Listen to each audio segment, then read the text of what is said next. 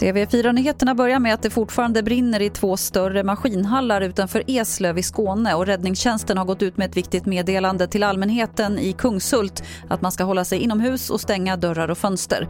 Det finns nämligen gödningsmedel i hallarna som orsakar giftig brandrök. Räddningstjänsten säger att de troligen kommer vara kvar på platsen hela dagen. Så till Kroatien där minst tio människor omkommit och flera ska ha skadats när en buss körde av vägen.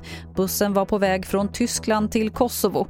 Det finns i nuläget inga uppgifter om passagerarnas nationaliteter eller om orsaken till olyckan. Enligt UD finns heller inga uppgifter om att det ska ha funnits svenskar ombord. De nya böterna som polisen kan ge vattenskoterförare som kör på ett störande sätt har redan delats ut 15 gånger. Och Det är relativt mycket, säger polisen eftersom lagen bara har funnits sedan den 1 juli. Tidigare har bara den som kört vattenskoter på ett direkt farligt sätt kunnat bötfällas. Men den 1 juli ändrades reglerna och polisen kan nu direkt på plats dela ut ordningsböter även till den som kör på ett sätt som upplevs störande. Bötesbeloppet är 1500 kronor och hittills har 15 sådana böter registrerats i landet visar siffror från polisen.